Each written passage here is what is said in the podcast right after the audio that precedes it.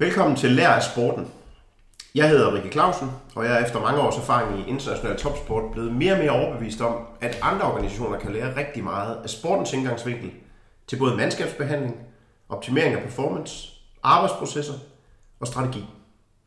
I denne podcast forsøger jeg at afdække, hvilke elementer en gæst fra sportens verden har taget med sig efter en karriere, eller vil tage med sig fra sportens verden, når karrieren er slut, og hvordan vi andre kan lære det.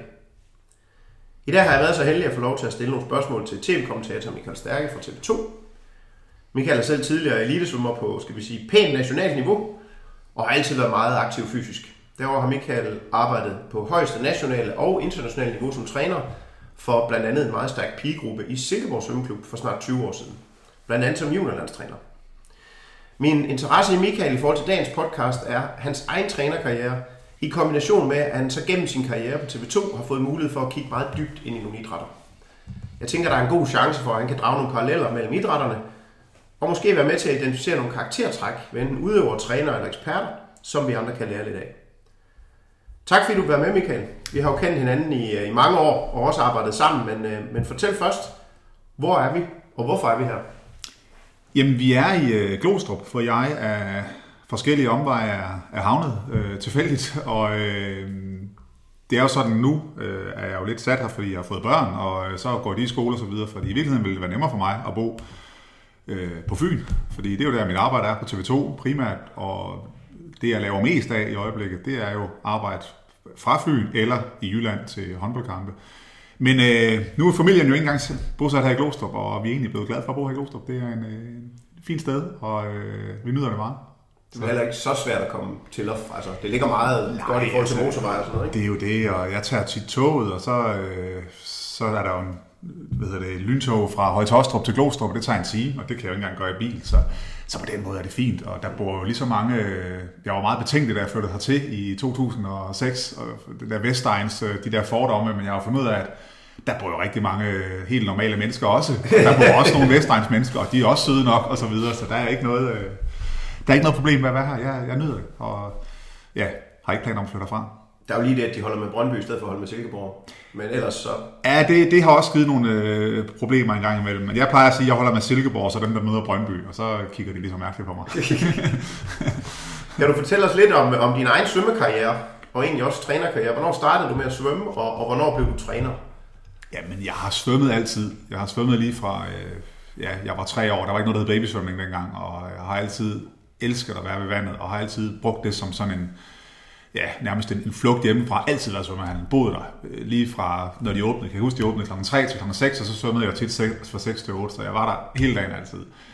Øh, som, og så blev jeg ved med at svømme indtil jeg var de her 19-20 år, øh, hvor mange jo falder fra. Øh, trænermæssigt, der startede jeg egentlig som 14-årig, og, øh, hvor man blev assistenttræner, som man normalt altid gør. Og så, altså der kan jeg lige så tydeligt huske, at der gjorde jeg det egentlig, fordi så kunne man tjene lidt, lidt nemme lommepenge og så videre. Og jeg havde egentlig ikke gjort mig nogle tanker om, om jeg kunne finde ud af det, eller om øh, jeg synes det var sjovt. Og så kan jeg lige tydeligt huske, at jeg stod sammen med, med Nikolaj, som var øh, chef, eller ikke cheftræner, men han var træner på holdet, og jeg var assistent. Og de første mange gange, der gik det fint. Jeg sagde stort set ingenting. Jeg øh, gik hen og sagde, svøm nu ud til kanten, eller et eller andet til en eller anden lille pode. Og så lige pludselig, så kan jeg huske, Nicolai han sagde, jeg går lige ind og henter nogle plader, kan du ikke lige sætte dem i gang med de her bensparksøvelser? Og så stivnede jeg fuldstændig. Skal, skal jeg sætte dem i gang? Og så gjorde jeg det, og så gjorde de, som jeg sagde. Og, og, og jeg tror faktisk, at det var det øjeblik, jeg fandt ud okay, jeg kan godt et eller andet her, og det kan godt være, at jeg skal prøve at, at gå lidt videre med det. Og så arbejdede jeg videre med det, og havde øh, året efter min egen hold, og de øh, svømmer, jeg havde der, dem byggede jeg faktisk op, og øh, det blev nogle af landets allerbedste svømmer.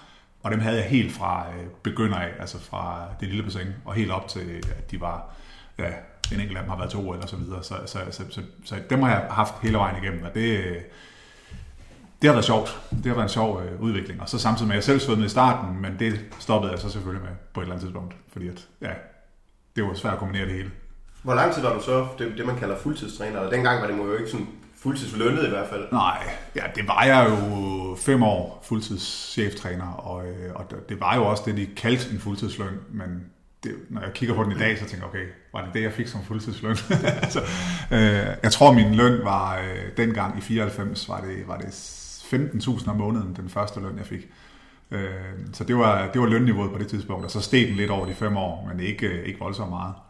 Så, øh, så, øh, så fem år med det, men det var jo lidt lige meget, fordi det var jo ikke derfor, man gjorde det der. Det var jo bare en, en livsstil for mig, og jeg var et par 20, da jeg fik chancen for at blive, øh, blive cheftræner, og det var, det var super fedt, og jeg, jeg vil ikke sige, at jeg havde gjort det gratis, for jeg skulle jo leve, men det var lige ved, ikke? Altså det var, det var, for mig der var det bare en kæmpe passion dengang. Øh, ja.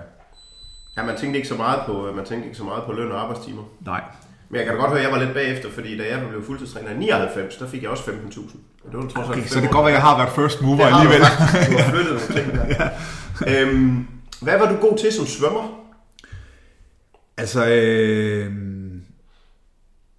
jeg tror, at jeg tror egentlig mere, at min svømning var, øh, var, var lidt en, en flugt for meget. Jeg er vokset op i en øh, hjem, hvor der var mange problemer med alt muligt, og så tænker jeg, så min, mit tilholdssted, det var, det var svømmehallen, og der var jeg stort set altid. Og, øh, og, øh, og det var det, som jeg øh, fandt ud af, at, at, at og så kunne jeg finde ud af, at, så kunne jeg finde ud af det, og jeg kunne, teknisk var jeg, var jeg dygtig. Altså jeg kunne gøre tingene, når træneren sagde det, så havde jeg det, og så havde jeg et, og det var måske min allerstærkeste side, min, øh, altså jeg havde et konkurrencegen, som var øh, rigtig, rigtig godt. Jeg var en af de der typer, som øh, måske ikke var særlig god til træning, og blev slået af mange af dem. Og så kom øh, med nummer på ryggen, han har sagt, stod der på skammen, så vandt jeg altid. Øh, og det gjorde jeg lige fra jeg var overgangssvømmer, øh, var jeg en af de bedste i Danmark, så, så uden at egentlig lægge særlig stor indsats i det i vandet.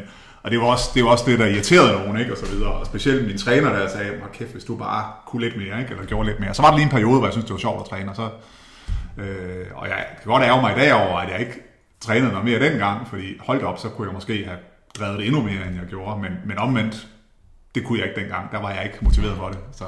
Man kan jo sige, det var ikke sådan en svømmer, du selv havde mest glæde ved at træne. Sådan en type svømmer. Altså, øh, jeg hader de typer. så, men jeg har forståelse for dem. Øh, men, men så må man jo prøve at finde nogle andre glæder ved, ved træningen, og prøve at finde ud af, hvordan kan man så flytte ind til dem. Fordi det, der er ingen tvivl om, at det er jo det er jo måske nemmere at lære nogen at træne, end det er at lære nogen at få det der konkurrencegen. Øh, så, øh, så, så ja, på den måde, så er det jo værd at arbejde med alligevel. Så, det er rigtigt. Men hvordan kan det være, at du, altså, fordi det var ikke den, det du repræsenterede som træner, var jo noget, var jo noget andet end at lægge loppen til træning og så prøve at blive god til. Så, så hvornår sker det skifte? Jamen, jeg tror jo måske i kraft af, at jeg selv har været sådan en, og måske har vidst, at jeg ikke har fået det ud af min karriere, som jeg måske har kunnet, hvis det var, jeg har gjort det, så har jeg vidst fra start som træner, at jeg vil simpelthen ikke, jeg vil simpelthen være ærlig over svømmerne, og jeg vil, vil være, øh, jeg tror, jeg var ret hård som træner i starten. Øh, og, og det var jeg, fordi jeg vil, jeg vil have sorteret dem fra. At der, der var vi jo op på et, på et niveau, altså hvis vi taler A-hold, hvor, hvor de allerede havde valgt, at de gerne ville være svømmer. Og de der, der bare kom og loppede den og, og hyggede sig og sådan noget, jamen, der var der måske et andet hold, der var bedre til dem, fordi også for deres skyld. Det var lidt spild af deres tid, og så bruge øh, det ved du også alt om, øh, 12 gange om ugen på at træne, og så, øh, og så tro, man kan blive øh, dansk mester, og, og hvis man i virkeligheden ikke rigtig gider lægge en indsats i det, og man aldrig nogensinde når i nærheden af at bare kvalificere sig til det, så skal man i hvert fald være ærlig over for dem. Ikke? Og det var jeg, og der fik jeg også nogle på puklen, og det gør man jo altid fra forskellige, så er det en eller anden fra bestyrelsen så barn, man har sagt noget til, og der, der har jeg været også mange gange, og, men sådan er det, men det er jo ligesom, det er jo også en kultur i klubben, og det tror jeg, jeg var, mig og så ham, der var træner før mig, var i en årrække meget med til at bygge op. Og så da jeg forlod Silkeborg Svømmeklub i 99, der var der en fantastisk kultur øh, for at træne. Øh, og det, det, det tror jeg, at jeg har været meget, hvad skal man sige, medskyldig i, der er kommet sådan en kultur. Det kom, øh, det, kom som, øh, det kom som lidt af et chok dengang, i hvert fald for mig. Jeg var jo sådan ung. Mm. Du var jo en af dem, jeg sådan tænkte, mm. vi tænker altså, Stærke, mm. han gør det godt. Ham, det, det, det er et forbillede. Mm. Og så da jeg skulle til i gang med at fuldtidstræne, så stoppede du lige pludselig, mm. der i 99. Hvor, ja. Hvorfor? Jamen, der var, øh, der var flere grunde. Øh, jeg tror, den grund, jeg i hvert fald brugt offentligt, det var, at vi havde, vi havde altså, vi, vi kæmpede jo meget med plads og vandside i Silkeborg altid, og så tænkte vi, at vi skulle lave et startfællesskab med, med Herning og med øh, IKAST på det tidspunkt. Øhm, og det øh, forsøgte vi, og vi satte det op, og IKA sprang så hurtigt fra, så det var kun Herning, øh, Lars Bo og mig, som øh, brændte for det, og vi øh, satte alt op, og mød, bestyrelsen var positiv, og vi kom til et stort fællesmøde med bestyrelsen, og vores bestyrelse sagde så nej. Og øh, efter de havde været positive hele vejen, og det, det turde de ikke alligevel. Og så, så tænkte jeg bare, det var sådan det der for dråben.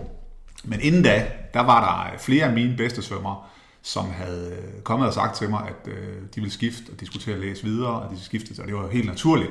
Men de ville også skifte, fordi at de troede, at der var noget andet, der kunne flytte dem mere nu i karrieren. Og lige i starten, lige når man hører det, så tager man det sådan lidt personligt og tænker, nå, kan jeg ikke mere, men, men, men bagefter, ret hurtigt efter, fandt ud af, men de har jo ret, fordi vi lå otte per bane, altid i træning, og, øh, og, og, øh, og så set sådan lang tid efter, så kan jeg jo også se, at det var måske heller ikke der, jeg var stærkest som træner til at flytte dem fra, hvad skal man sige, internationalt juniorniveau til internationalt seniorniveau. Det tror jeg ikke, at jeg har evnerne til. Altså der tror jeg, der skal nogle andre aspekter i som træner om andre ting. Og, og det handler også om interesse. Altså, fordi for mig var det ikke det vigtigste at flytte dem derop til. Og det tror jeg, det skal være som træner også for at få dem derop. Øh, der er jo nogen, der sidder garanteret nogle... Øh...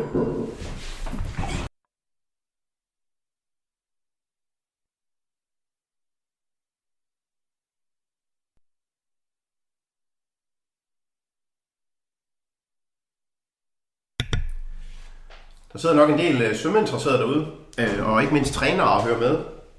Øhm, og der synes jeg, at øh, jeg har hørt nogle historier om, hvad det vil sige, at der mangler plads, og at man har dårlige arbejdsvilkår for dengang du var i Silkeborg, som jeg ikke har hørt fra andre, i hvert fald ikke på det niveau. Kan du prøve at fortælle, hvordan sådan en morgentræning den, øh, den forløb? Jamen, for det første, så var vi jo i den situation, at der, altså, i hvert fald de sidste tre år i, i Silkeborg, der var, jo, der var jo en træningskultur, som var sindssygt god. Øh, så de vil gerne træne, øh, og de, var, øh, de vil gerne morgentræne, og de, der var aldrig noget problem med at komme til træning, og der var aldrig noget problem med, med noget som helst. Så, øh, så der blev kamp om at komme til træningen. Problemet var bare, at i svømmehallen, der kunne vi kun få én bane om morgenen. Øh, så jeg måtte, sådan, jeg måtte stå der hver morgen, og så måtte jeg sige, at nogen skulle morgentræne to gange, nogen tre gange, nogen kun én gang, og så var hele tiden, og hvis man blev syg eller ikke kunne, så var det meget, vi måtte afbryde, så stod der en anden i kø hele tiden. Det betød, at vi var ni per bane til morgentræning, og kun én bane. Og så øh, begyndte de her morgensvømmer, som jo er et specielt folkefærd, så begyndte de at, at brokse lidt over, at, øh, at de var der i det hele taget, og så kunne svømmehallen kunne jo ikke sige, at folk ikke måtte gå ind. Så endte det med, at vi måtte betale billet helt normalt, ligesom andre. Det var også fair nok. Så begyndte de at brokse over, at jeg var på kanten. Som træner, jeg måtte ikke være en træner på kanten. Nå, hvad gjorde vi så ved det? Jamen, så, måtte jeg, så endte det med, at jeg måtte stå nede i vandet. Så jeg stod i et halvt år hver, hver dag til morgentræning nede i vandet med stopurene sådan op over hovedet for at kunne tage tider nede i vandet i badebukser. Fordi de der morgenbader, de ikke synes, jeg var en træner på kanten. Men så måtte vi jo bare tænke alternativ. Så jeg, jeg har offret mig meget dengang, kan jeg huske. det, kan man, det kan man da så lige tænke lidt over, hvis man synes, man har dårlige vilkår til daglig. Øhm, jeg har engang læst en artikel øh, i det nu hed engang svømmesport, hvor du fortæller om højdepunktet i din trænerkarriere. At det ikke var, øh, som mange måske vil tro, øh, det, det første danske mesterskab eller andre ting. Men øh, kan du prøve at fortælle os, hvad, hvad, hvad det var? Ja, altså jeg, jeg, uden jeg kan huske hele artiklen, så tænker jeg, at, øh, at, at, at du tænker på et, et dansk holdmesterskab på et tidspunkt, hvor, øh, hvor det gik godt, og så havde vi en, en, en svømmer, som, ja, øh, jeg tror ikke, jeg fornærmer hende at sige, hun var middelmådig, øh, og var, var det tynde øl på vores første hold, og jeg vil egentlig gerne have en med til fordi hun var et øh, samlingspunkt og en rigtig, rigtig god pige på mange andre områder, og øh, så kunne jeg se, at der faktisk kunne blive en plads på 50 meter crawl på det her hold, øh, og hun havde svømmet, jeg tror, hun havde svømmet omkring 29,5 eller noget. Og hun var så nervøs, når hun kom. Det eneste, hun kunne svømme. Og hun forbedrede sig så til måske 28,9 eller noget. Så det var ikke sådan voldsomt stort, og det var ikke noget niveau overhovedet. Og hun kom altså op i vandet, og hun græd af glæde, og hun var jubellykkelig. Det var det største øjeblik i hendes liv. Ikke? Og der blev jeg også sådan, der blev jeg ramt mere, end at jeg gjorde ved, at øh, min svømmer har sat masser af danske juniorkort og danske mesterskaber osv det rørte mig ikke på samme måde som menneskeligt som det her. Der er selvfølgelig glad og stolt som træner, men, men det her, der var sådan lidt, okay, der havde jeg faktisk flyttet en menneskeligt. Og det, det, det øjeblik, der tænker jeg, okay, det er, det er meget mere værd for mig, end det er at sætte en dansk juniorkort som træner.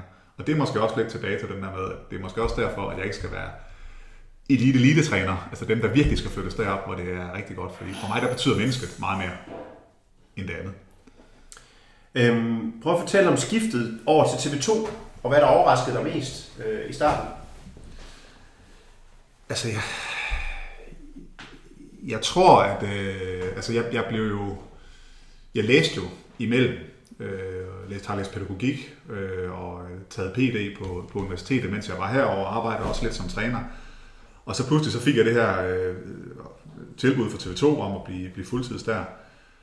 Og jeg tror egentlig, at altså noget af det, som overraskede det var måske sådan noget med, at altså, hvor meget, altså nu skal jeg sgu ikke fordærme mine kollegaer, men der var mange af mine kollegaer, de, altså, de forstod sig ikke på de der mønstre, der er i elitesportsudøvere. Altså, de forstod ikke, når de sagde, jamen, så kan vi bare lige ringe til ham, når han øh, skal ud og gøre det, eller ud og spille. Nej, det, det kan man ikke på det tidspunkt, fordi der, er- det, altså, og der var sådan, der var sådan meget, for mig var det bare øh, logiske ting. Altså, det, det gør man ikke. Øh, jamen, hvorfor kan vi ikke lige få fat i øh, Jeanette Ottesen øh, på det tidspunkt, øh, når hun, hun har jo varmet op til sit løb og sådan noget, men hun skal jo ikke. Øh, det kan man altså ikke, fordi altså, sådan nogle ting, der, for mig var det bare logisk sådan noget.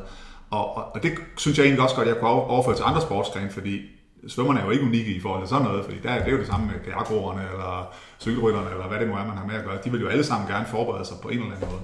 Så er der nogle forskellige mønstre i forskellige sportsgrene, det er jeg med på, men, men, øh, men, men, men der er jo ligesom, om- der, der synes jeg et eller andet sted, jeg havde en, og det kan måske også nogle gange være en ulempe, fordi nogle gange der kan det også bare være en fordel at bare ringe og gå ind i dem med det samme, ikke? Men, men det, det synes jeg nok var den, var den sådan største overraskelse over, da jeg, da jeg startede derovre. Du er jo gået dybt i, øh, du er gået dybt i nogle idrætter, ikke mindst cykling, som jo fylder, øh, fylder en stor del af dit arbejdsliv. Øhm, hvis du skal sammenligne cykling og så din egen idræt, svømning, øh, hvilke, hvad har du været mest overrasket over? Hvilke forskelle er mest tydelige? Jamen, det er faktisk, jeg synes ikke, det er nemt at sammenligne, fordi svømmerne er øh, jo meget yngre, end cykelrytterne er, når de får et niveau. Og, og det betyder, at de har nogle andre forpligtelser, de har nogle andre ting, og de har nogle andre, øh, hvad skal man sige, hverdagsrytmer. Øh, så så jeg, jeg, synes, jeg synes, det er en svær sammenligning, fordi øh, svømmerne bor hjemme ved deres forældre. De skal stå op, de skal gå i skole, de skal passe den. Hvor cykelrytterne, de er, øh, altså, når de når et niveau, jeg ved godt, at det er i juni og så videre, men det er jo først senere, hvor vi begynder at arbejde med dem, og de er interessante. Svømmerne er, er faktisk nogle gange interessante. Ikke simpelthen, de går i folkeskole, men det er lige ved de yngste af dem, ikke? Nogle gange. Øh, og i hvert fald i starten af gymnasiet. Det er cykelrytter ikke. Så kan det godt være, at der lige kommer en, en enkelt, en øh, Mikkel Bjerg, der sætter simarkort eller et eller andet, som er interessant. Men, men det er få, Men han er 19 det er det, det er det. Og han er jo stadigvæk, han har jo langt, langt, altså langt sin bedste år foran sig forhåbentlig i cykling. Ja. Det er ikke sikkert, en svømmer har det som 19-årig, desværre. Øh, Så, så jeg, jeg, jeg, synes, det er meget svært at drage, øh, drage fællestræk på den måde. Øh, Nogle af de, øh, noget af det, jeg i hvert fald har lagt mærke til, nu så jeg, ser jeg jo en del cykling også, det skal ikke være nogen hemmelighed, det er, øh, jeg har aldrig mødt en, eller aldrig set en cykelrytter sige nej til et interview. Jeg har aldrig set en cykelrytter nærmest øh, ville skynde sig videre. Mm. Der er det altid journalisten, der siger tak. Mm. Hvorimod, kan man sige, nogle gange, når man ser svømmerne blive interviewet, det virker ikke altid, som om de er bevidste om, at det er vigtigt at bruge tid på pressen. Mm. Er, det, er det noget, du kan, også kan se? Eller? Ja, jeg tror, at øh, jeg tror meget, at det kommer fra, øh, fra højere op. Altså, jeg tror jo ikke, at det er personligt svømmerne, der ikke gør det. Så får de at vide, at I skal gå forbi, eller I skal gøre et eller andet. Og det, det, det, det tror jeg er... Øh, øh, det tror jeg for det første. Og så tror jeg også, at der er jo noget i cykelverdenen, der gør, at de er jo... Jeg ved ikke, de, de er vel noget mere afhængige af sponsorater og så videre, end, end svømmerne er. Øh, det ved jeg godt, at svømmerne kunne også bruge de penge og sponsorater, men de er i hvert fald mere bevidste om det, og de er jo betalt af en sponsorer, så de ved, at hver gang de står op, og der står et eller andet cykelnavn på brystet, så får de noget eksponering. Og det, det tror jeg, de er bevidste om altid, og derfor siger de stort set aldrig nej. Selvom det er nogle gange nogle situationer, hvor, øh, ja, hvor de kommer ind, og de ikke har lyst til at tale. Eller, altså. Men jeg vil også sige, at jeg synes egentlig, jeg har respekt for, når folk de siger nej.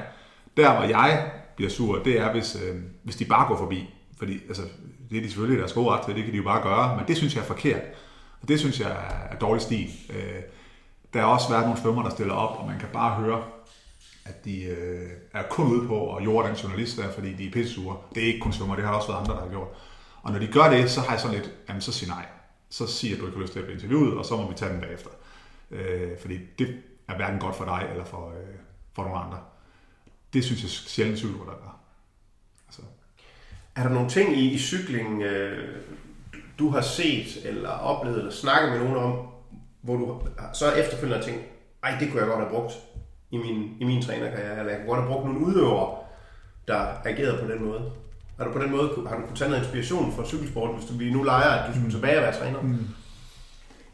Jeg, øh, jeg synes, og det, det hænger også lidt sammen med de spørgsmål fra før med, med forskellen, for jeg synes, noget af det, der er bemærkelsesværdigt, der er forskel på cykelverden og svømmeverden, som jeg altid har tænkt over, det er, at cykelryttere, professionelle cykelryttere, de bor ikke sammen. Øh, De bor ikke i samme by, de bor ikke engang i samme land, de kan bo i otte forskellige lande på et hold eller mere, og alligevel så har de styret deres træning. Jeg tænkte, hvorfor i alverden Hvorfor i alverden flytter man ikke sammen? Hvorfor bor man ikke alle sammen? Der er nogle af Garmin, for så søgte de der Girona i Spanien, tror jeg det var, hvor de boede, mange af dem osv. Men det må jo give en, altså for det første må det give en logistisk, det må være et logistisk helvede at sidde og booke deres rejser, fordi de skal hele tiden, og hver gang de lander i til løb i Belgien, så skal de hentes i lufthavnen fra England, de skal hentes fra Spanien, de skal hentes fra Frankrig. Øh, Udover det, så træningsplanlægningen kan jo bare ikke være den samme. Jeg ved godt, at i dag der foregår det hele over computeren, og man kan skrive op, og man kan læse graferne osv. Men det ville da være bedre, hvis der sidder en træner og kan hjælpe en derude hele tiden. Øh, og så, så vender jeg den om, fordi det her ikke så vender jeg den om og så siger, okay, kan det i virkeligheden være, at vi skal vende den om og så sige, kan vi også gøre det med svømning? Kan svømmerne selv gøre det? Og, og det tror jeg ikke, særlig mange svømmer kan. Jeg tror, nogen kan det, men det er ikke særlig mange, der selv kan lægge og træne på den her måde og, og blive dygtige til det. Øh, jeg kan ikke sige hvorfor, men, men, men der er ikke den der, fordi i princippet skulle de jo godt kunne gøre det. Altså det kan godt være, at de skal have en til at tage nogle tider en gang imellem, men der er jo et fint halv uge i de fleste halver, man også kan tage tider på og så videre, og så er det kun sådan noget specifik pace-træning, hvor man måske skal have et eller andet, men i princippet kan man godt gøre det, og det er jo, der er jo ikke den store forskel øh, på det. Øh, men, men, men det sker bare ikke i svømning, og der, det hænger måske også sammen med alder, øh, at de er mere modne cykelrytter, de har besluttet sig for, det vil de leve af, så hænger det også sammen med, at de får penge for det. De lever faktisk af det, det gør svømmerne ikke. Altså det er sådan lidt mere, øh, jeg skal stadigvæk passe min skole og så videre. Ikke? Så, så, men det er jo en, jeg synes, det er en interessant øh, tanke, det der med, at de ikke bor sammen. Øh, og så, jeg, nogle gange har jeg sagt det til Rolf Sørensen, så, hvorfor, øh, hvorfor flytter de ikke sammen? Hvorfor bor de ikke sammen? Det kan de jo ikke, fordi de har jo været deres familie, det er deres land, siger han så. Jamen, jamen, det er jo sådan set lige meget, fordi hvis de har et job, så... Altså fodboldspillere bor jo heller ikke i 20 forskellige byer, altså, de bor jo også i samme by. Eller, altså, men, øh, så, så jeg, jeg, har ikke fået nogen forklaring på det, så jeg ved det simpelthen ikke. Er, er det mest noget kulturelt?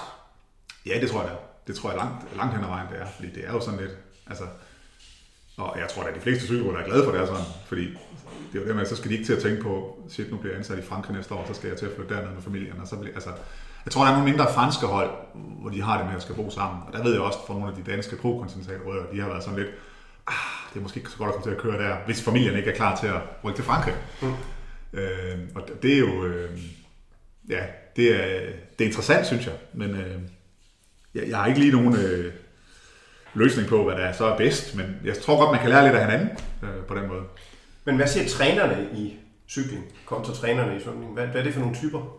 Jamen, jeg tror, at trænerne er jo, altså det er jo sådan lidt mere individuelt øh, tilrettelagt, det hele. Øh, det kan man sige, det er top, top trænerne i svømning måske også, men, men øh, altså, de ser dem jo ikke Øh, altså der er jo trænere, som stort set aldrig ser deres, øh, så, så det foregår hele tiden via nettet, og så kan de gå ind og læse deres vattal og læse øh, deres øh, ting, og deres, så kan de gå ned og tage nogle test en gang imellem og så videre, og så laver de træningsprogrammer baseret på det. Hvor i svømning, der, der er den menneskelige og den daglige kontakt jo, det er jo en vigtig del af, altså det var det for mig som træner, at kunne få svømmerne til at præstere. Jamen hele tiden vidste, hvor man havde dem, også mentalt, øh, og så skide med de der fysiske tester og sådan noget, det er også vigtigt, men det andet er lige så vigtigt. Øh, og, og den, den synes jeg, de må mangle på en eller anden måde. Ikke? Altså, det er jo sjovt, fordi Rune Larsen siger jo, altså mm. fuldtangstrænerne, han siger jo, at det er jo netop, hvordan går det op i hovedet. Det er det, han er allermest fokuseret på, og det er jo faktisk overrasket mange. Mm. Øh, efter for eksempel Valgren træner han jo også, mm. som har haft en mm. kæmpe opadgående form, kunne han sige, det er i virkeligheden op på øverste etage, vi har lavet det største arbejde. Ja. Hvordan kan man det, når man ikke ser ham? Jamen det, det er klart, at hvis man, hvis man er flittig og tager meget telefoner, så kan man selvfølgelig også komme langt på sådan noget, ikke? men det, det er jo også, altså, alle har deres metoder, og det kan godt være, at det fungerer for, for Rune og, øh, og company, men, men, men der, er sådan, der vil jeg selv hellere tæt på folk ved at, altså jeg får mere ud af at møde dem, øh, udøverne, tror jeg, som træner, og, og der kan man læse nogle flere ting, synes jeg. Altså, øh, og dermed flytte dem bedre. Og så ved jeg heller ikke, hvor meget han møder dem. Altså, det kan godt være, at han, han er jo med på træningslejre, ved jeg, og så videre. Ikke? Så på den måde, så er han jo lidt på dem en gang imellem. Ikke? Men, men jo ikke tænker jeg, i største del af året. Øh. Øhm, hvis, vi, øh, hvis vi kigger lidt ud over cykelsport, så har du også stiftet bekendtskab med nogle... Der er også nogle andre idrætsgrene, du har været øh, på, på, på mere eller mindre tilfældig måde er blevet dybt involveret i. Mm. Kan du prøve at fortælle lidt om, om dem?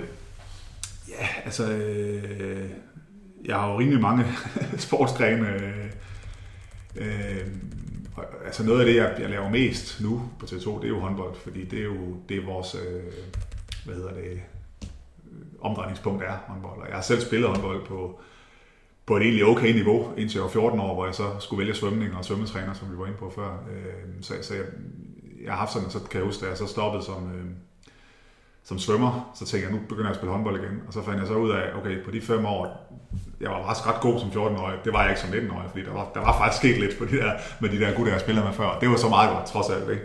Men, men, men der, altså, der er mange, der sammenligner det, og der er også mange, specielt i svømmeverdenen, som siger, hvor fanden træner de ikke mere de håndboldspillere eller fodboldspillere, og kæft, det er nogle øh, tøser, når det er altså også der, den der sammenligning med Neymar, der bliver skadet, og så en cykelrytter, der rejser sig igen. Og, Ja. og man kan godt grine lidt af det, det er selvfølgelig sjovt, men, men altså, lige for den der, der er, der er en kæmpe forskel, fordi Neymar, altså de modstandere scorer ikke fem mål, mens han ligger ned i cykelløb, der hvis du ligger ned, så kører de andre altså videre, de stopper ikke og venter på dig, så du er nødt til at rejse dig op igen, det er han ikke. Øh, og i, i, øhm, i forhold til det der med at træne, altså, der er jo noget, at der er noget fysisk begrænsning for, hvad man kan holde til at træne i det der øh, håndbold og fodbold. Jeg, jeg plejer at sige sådan en lidt kliché i svømning, der, der træner man et helt år for at svømme godt i 14 dage. Og i øh, håndbold og fodbold, der tager man træningslejr i 14 dage for at spille godt et helt år. Så det er sådan, det er sådan, mod, det er selvfølgelig sat på spidsen og alt det her, ikke? Men, men det er faktisk lige ved, at det er rigtigt. Man bruger en 14 dage på træningslejr, og så skal man helst spille hver eneste weekend og gøre det godt. Øh, og svømmer det lige omvendt. Øh, så så du, det, er en, altså det er jo en verden til forskel på de to kulturer, og derfor kan man ikke bare gå ind og sige, hvorfor gør de ikke sådan, og hvorfor gør de ikke sådan. Men derfor kan man jo godt lære af hinanden, og man kan godt blive inspireret, og jeg, jeg har jo selv som træner nyt meget af, jer, så har jeg aftalt med den lokale bokseklub, at vi kommer ned og træner med dem en dag, og så kommer de over og svømmer en dag, eller cricketklub, eller sådan, lave noget anderledes. Det er, jo, men, altså, det er jo for at lade sig inspirere af andet, men det er jo også lige så meget bare for at give øh, svømmerne sådan en, et afbræk, og et eller andet nyt alternativ en gang imellem. Det er jo, det er jo sjovt, og det er, det er fint, og man kan, jeg ved ikke, hvor meget man kan lære af det, men man kan måske godt få nogle nye øvelser, eller nogle nyt input, eller en, en ny måde at, at se på, hvordan det så også skal lade sig gøre at gøre det. Øhm, og så, øh, så er jeg meget skiskydning, øh, som er en helt anden sport, men den er jo ikke, jeg er jo ikke tæt på den på den måde, fordi det sidder jeg jo tit i en boks og gør. Nogle enkelte gange har jeg været ude, men øh, og det synes jeg jo bare, det er jo bare min favoritsport nærmest nu, fordi det er øh, fantastisk, den har så meget, og den, øh, ja, den er så underholdende og hele tiden. Det er jo, men det er jo, ja, det er jo bare fedt at sidde og komme til at se, og det, det, det er altid fuldt og altid set, så, øh, og det er jeg bare glad for, at jeg kan få lov at sidde og tænke højt, når jeg ser det nu, ikke? og der er nogen, der faktisk gider høre på det, så, øh, så øh, ja, det er måske den mest underholdende tv-idræt, der findes. det, det er også min påstand. Sammen med amerikansk fodbold vil jeg så våge på. Ja, men- den har, den, det er det univers, jeg ikke, øh, det her mand vil vilje, jeg ikke begynder at se, fordi jeg er bange for, at jeg også bliver bitter væk, og det, øh, det kræver nogle nattetimer og så videre. Kan du, øh, kan, hvis du nu kigger på, du har mødt rigtig mange udøvere øh, i de forskellige idrætsgrene, både cykling og håndbold og svømning. Kan du udlede nogle fællestræk for de allerbedste udøvere? Øh, for eksempel sådan noget med målfokusering, er de fokuseret på processen, evnen til at tage ansvar. Er der, er der et eller andet, du sådan tænker, det, det, kan man, det kan man uddrage, eller, eller er der for stor forskel på, på noget individuelt som svømning og cykling, og så, og så til for eksempel håndbold? Altså jeg tror, at der er... Øh, altså, der, der, er der er jo kæmpe forskel på mennesker, tror jeg. Det, det tror jeg måske, det er først og fremmest er det, fordi der er jo stor forskel på, hvordan A og B kommer hen til de forskellige mål, som de har sat sig. Øh, Øh, det er jo lidt det samme som, øh, som når jeg skal flytte noget i journalistikken. Øh, når jeg skal stille et spørgsmål til nogen, så er det jo, altså jeg kan stille det samme spørgsmål til tre forskellige svømmere eller cykelrytter, øh, men jeg får tre forskellige svar, fordi det er tre forskellige mennesker. Og så er det godt være lige præcis til ham, skal jeg ændre mit spørgsmål en lille smule, øh, fordi at han er en, en anden type menneske, og det kræver lidt menneskekendskab, og det kræver lidt, at man kender dem. Og, øh, og sådan er det også som træner, når du vil flytte nogen. Jeg, jeg kan huske, at jeg havde en, på et tidspunkt, der skulle jeg ud og lave noget med, med triatleten øh, Torbjørn Sindvald, et indslag. Øh, og øh, han havde haft hjerteproblemer og var stoppet, øh, mere eller mindre stoppet karrieren, og var så startet stille og roligt op igen.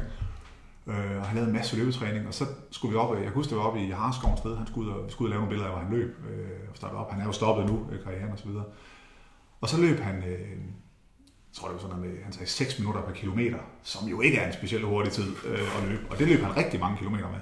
Så sagde han, er du, er du, er du ikke irriteret over, når du løber herude i skoven, og så kommer der en eller anden gammel dame forbi dig, når du ved, hvad du kan, for han var jo en, der kunne så lidt som ingenting løbe maraton under tre timer.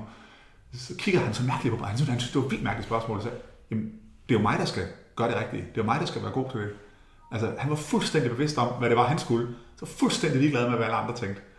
Og det, det tror jeg rigtig mange atleter kan lære noget af. Fordi der er mange, der sådan gør tingene, fordi, og så siger træneren det, og så siger, altså, man, skal, man skal måske prøve at lytte meget mere til sig selv øh, i det. Selvfølgelig i samspil, men, men og Torbjørn gjorde det også sikkert i samspil med, med en træner. Øh, men, øh, Men, men det er meget sjovt, fordi der er mange, der bliver påvirket af de her ydre påvirkninger, som hele tiden er der, og som vi er jo ramt af i hverdagen hele tiden. Med, det, kan, det kan også være øh, klassekammeraterne, der forventer et eller andet, eller øh, alle mulige ting. Ikke? Og der, der tror jeg, at dem, som er når langt, det er dem, som er, er stærke i sig selv også, og, og ved, hvorfor de gør tingene. Og ikke, og ikke går specielt meget op i, at vi bliver overhalet en gammel dame. Ja, Den, ja. den var ikke gået for mig, men jeg har heller aldrig været god til nogen idræt, så det, så det øh, øhm, Hvad tænker du, at, at, at de, øh, de, de primære sådan, brugbare elementer, du har taget med dig fra sportens verden til din egen karriere på TV2? Du, øh, du snakkede lidt om det her med, at du forstod jo, da du kom over på TV2, hvad, hvad, hvad, betyder, altså, hvad betyder det at være i en elitidræts verden? Hvordan, vi kan ikke henvende os til Jeanette fem minutter før hun skal svømme, selvom hun er færdig med at varme op. Er der andre ting, du, sådan, øh, du har taget med dig over og, og bruger? Det kan også være i forhold til den måde, du strukturerer dit eget arbejde på. Er der nogle, er der nogle ting der, du har taget med dig? Altså jeg tror i hvert fald, altså, jeg, jeg tror i, i min branche, der, der, fordi der er rigtig mange, der har det sådan, men jeg ved i hvert fald, at når jeg sætter mig op for noget, så er jeg 100% dedikeret øh, til det. Når jeg, øh, jeg for eksempel laver Tour de France, øh, så vil jeg helst bo derovre, fordi jeg vil helst arbejde 100% med det, og jeg er ikke dedikeret, hvis jeg er hjemme i familien. Så, så, så, det har jeg også fra sportens verden, fordi når jeg sætter mig et mål også som træner, så var jeg fuldstændig min egen osteklokke indtil den topning, den var, øh, den var overstået. Øh, og, sådan har jeg også lidt, og sådan er der også øh, jeg vil nogle af mine kollegaer, der faktisk også lidt har det sådan, fordi at det er et, et fag, hvor vi egentlig er taknemmelige mange af mine kollegaer for, at vi er der, hvor vi er, og vi er super glade for det, kan man sige.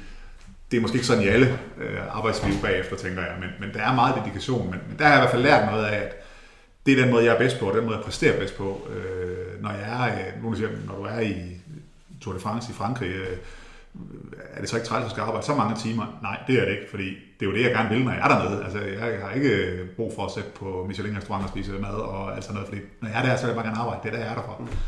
Og det tror jeg, jeg tager med. Og så, øh, og så tror jeg, jeg har fået en masse viden med. Altså, en masse viden om, om det her tilgang til, til sportsfolk, og jeg ved, hvordan de tænker.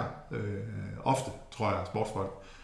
Øh, og det tror jeg, at nogen af mine kollegaer mangler lidt, hvis de ikke har den baggrund. At, at, altså, øh, altså, jeg tror, det betyder noget at have enten arbejdet eller være, øh, været selv eliteidrætsudøver. Ikke? Øh, altså, de fleste af mine kollegaer er interesseret i sport, men en ting er at sidde og se det på tv, og være interesseret, en anden ting er at have udøvet det som, som elite. Øh, så der tror jeg er en stor forskel, men ja, jeg ved ikke, hvad ellers jeg skal sige til det. Øh. Der er jo et, der er jo et element i, øh, i cykelsporten, som jeg i hvert fald ikke oplever i de andre idrætter. Jeg føler jo ivrigt med, når der bliver sendt noget, også når der bliver sendt langrand. Mm. Men det her sådan, øh, øh, kunstneriske, sådan meget maleriske, meget sådan, det er jo både Jørgen Let, men nu Dennis Ritter er også lidt begyndt på det, mm. synes jeg, det her med at, at beskrive skønheden i cykelløbet. Øhm, det hører vi ikke rigtig i andre idrætter. Er det på grund af de mennesker, man sætter til at arbejde med det, eller er det noget kultur? Man hører jo ikke om det i langrand for eksempel. Øh, der kunne man jo også godt, sådan 50 km, mm. der kunne man jo godt beskrive nogle af de ting, man kørte forbi, eller på anden måde. Hvordan kan det være, at, at, at det er blevet så, så central en del af cykelsporten? Er det for at gøre det sådan, til noget, alle gerne vil se? Jeg tror, at det er øh, Jørgen Lets fortjeneste. Det tror jeg, det er. Jeg tror, det er ham, der startede det, og det er ham, der... Altså, andre kanaler begynder også nogle gange nu ikke at koncentrere sig om sådan noget, fordi de ved, at det virker. Øh, Øh, det har bare været hans interesse også. Øh, han læser den med for en bog, øh, med hvad man kører forbi og alle mulige, og den sidder han altid og læser, og det har han altid gjort. Øh, kombineret med den viden, han selv har selvfølgelig omkring området, fordi han er interesseret i det, og, øh, og, øh, og så er det blevet en del af det, og så cykelløb er jo også taknemmelig, fordi at der er ofte fire timer, hvor de flytter sig fra, øh, fra A til B, uden der faktisk sker særlig meget. Øhm, men det gør der jo alligevel. Altså, der sker jo en masse ting rent kulturelt set, og der er det lidt noget andet i svømning for eksempel. Eller, altså, der er det svært at få den der maleriske beskrivelse. Jo, man kan godt beskrive, at nu er de i Budapest, og det, og det billede, der kommer, når man laver en intro af Budapest, og så er det det. så har man ligesom set, øh, så er man på en svømmestadion hele tiden. Og Der, altså, der er ikke de der, altså, der er jo rigtig mange, der også siger, at kæft, der i, i Spanien, hvor så de billeder, der, der vil jeg bare gerne ned og sådan noget. Der er jo rigtig mange, der får lyst til at bare se det, fordi at der er nogle flotte billeder. Altså, visuelle folk, der bare elsker at se det der. Ikke? Altså lidt, øh... Jeg hørte en, øh, jeg hørte en øh, reklamemand, som sagde, at det at være i udbrud 20 minutter i Tour de France, det svarede til i omtale for cykelholdet at vinde en af klassikerne. Mm. Altså det var på det niveau, fordi der ja. var så mange flere, ja. så Tour de France. Ja. Kan du også mærke, Tour de France sammenlignet med Giroen eller Vueltaen eller noget som helst andet sport, selv OL, mm. kan du mærke, at, det er, at der er det ekstreme fokus på lige præcis på det cykelløb? Altså hvis man ser i forhold til Tion og Vueltaen, jeg har jo dækket alle tre også dernede fra, og jeg, jeg vil sige, at, øh, at der er Tour de France jo i særklasse det største. Og øh, i starten, når man så kommer til Giroen og til Vueltaen, så tænker man, åh, oh, det er rart, at der ikke er alle de der 300 journalister, der står på nakken af en hele tiden, og man skal kæmpe med alle interviewene osv. Men når man så finder ud af det, når man så kommer lidt hen ad vejen i Vueltaen, så finder man ud af, at man, man tænker i starten også, det er rart, at der ikke er alt det med parkering, og man ikke må og så videre. Men så når man kommer lidt længere hen, så finder man ud af, at det er faktisk rart, fordi i Tour de France, der er fandme styr på det. Det er, det er helt vildt. Altså, det, der, der, skal man ikke Og så ved man også, at hvis man bliver bedt om at køre derhen, så kan man køre derhen. Øh, det er ikke sådan i Vueltaen altid. Ikke? Og der er jeg både blevet troet med, der er en politimand, der har trukket en pistol og, og så videre, og, og sådan noget. Fordi det, det, er, det er helt andet i Vueltaen, og der er styr på det. Og sådan sammenlignet med OL, der synes jeg, det er svært, fordi altså, øh, det er jo klart, der er jo større journalistopbud til OL, men det er også mange sportsgrene, man skal dække.